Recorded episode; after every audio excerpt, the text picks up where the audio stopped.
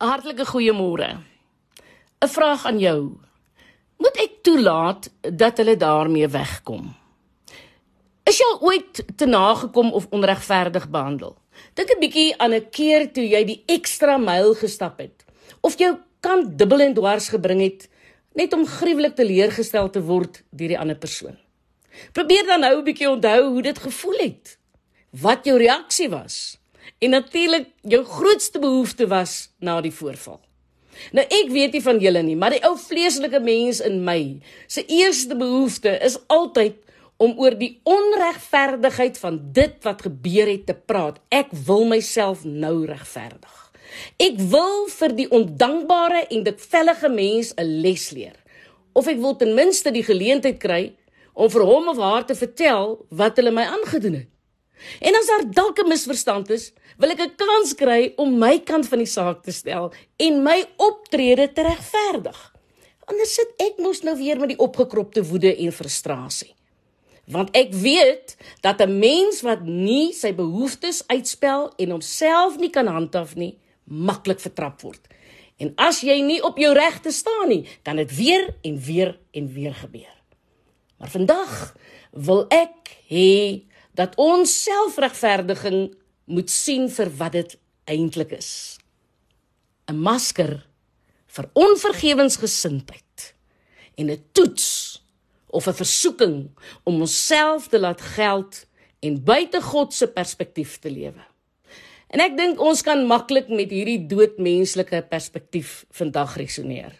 Maar kom ons kyk wat gebeur wanneer mense wat geesvervuld is buitengewoon optree. En ons neem sommer die lewe van Dawid. Kyk, al het hy droog gemaak. Ja, ook moord gepleeg om vir Batsheba in die hande te kry. Was dit nie sy grootste versoeking nie? Sy grootste toets het jare later eers gekom toe sy skoonpa Saul. Nou onthou, dis 'n man vir wie hy talle veldslae gewen het. 'n Man wie se koninkryk hy gebou het, 'n man wat hy laat goed lyk het. 'n Man vir wie hy reuse geveg het. 'n Man vir wie hy die harp gespeel het om hom te kalmeer. 'n Man vir wie hy sy lewe keer op keer geoffer het in veldslae.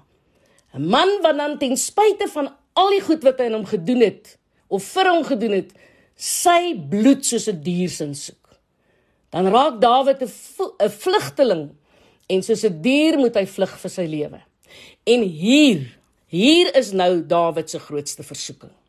Dawid is saam met sy twee magtige manne Joab en Abisai. Jong, daai manne was so kragtig, hulle het rug aan rug in een veldslag so met 1000 manne verslaan. En hier hoor hulle perde. En en hulle het nie tyd om weg te hardloop nie. En Dawid sê kom ons skuil in die grot. En hier kom Saul en sy sluipmoordenaars en hulle stop voor die grot en so is Saul ook in die grot in om 'n draai te gaan stap. En hoor nou wat gebeur. Abisai fluister in Dawid se oor en sê vir my volgende. Nou hoor hoe geestelik klink dit vir 'n oombliekie. Ooh, Dawid God het vandag jou vyand vir jou in jou hand gegee. God sê jy is die volgende koning Dawid. Ons kan vanaand nog in Jerusalem wees en jy kan die koning in die paleis wees. Vat hom Dawid, vat hom. Ek dink nogal Dawid het vir 'n oomblik ook so gedink, hoor. En net voordat hy Saul kon afmaai, dink ek het daar 'n skrif by Dawid opgekom. Want dit is mos Dawid wat geskryf het. Ek het u woord in my hart gebere dat ek teen u nie sou sondig nie. Hy antwoord, Dawid antwoord, maar ek kan nie die gesalfde van God aanraak nie. Hy mag dalk nie so lyk nie en sy gedrag getuig dalk nie van 'n gesalfde nie, maar dit is God se besigheid. God het hom gesalf, God sal met hom afreken.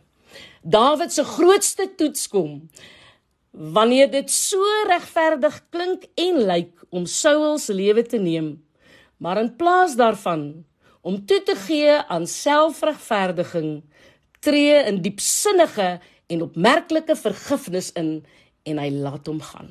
Daar gaan tye in jou lewe kom in jou stap met God wat jy groot genoeg gaan moet wees om God te bly dien al verstaan jy nie wat God besig is om in jou lewe te doen nie. Ek is Lenet Peer vir Radio Kansel.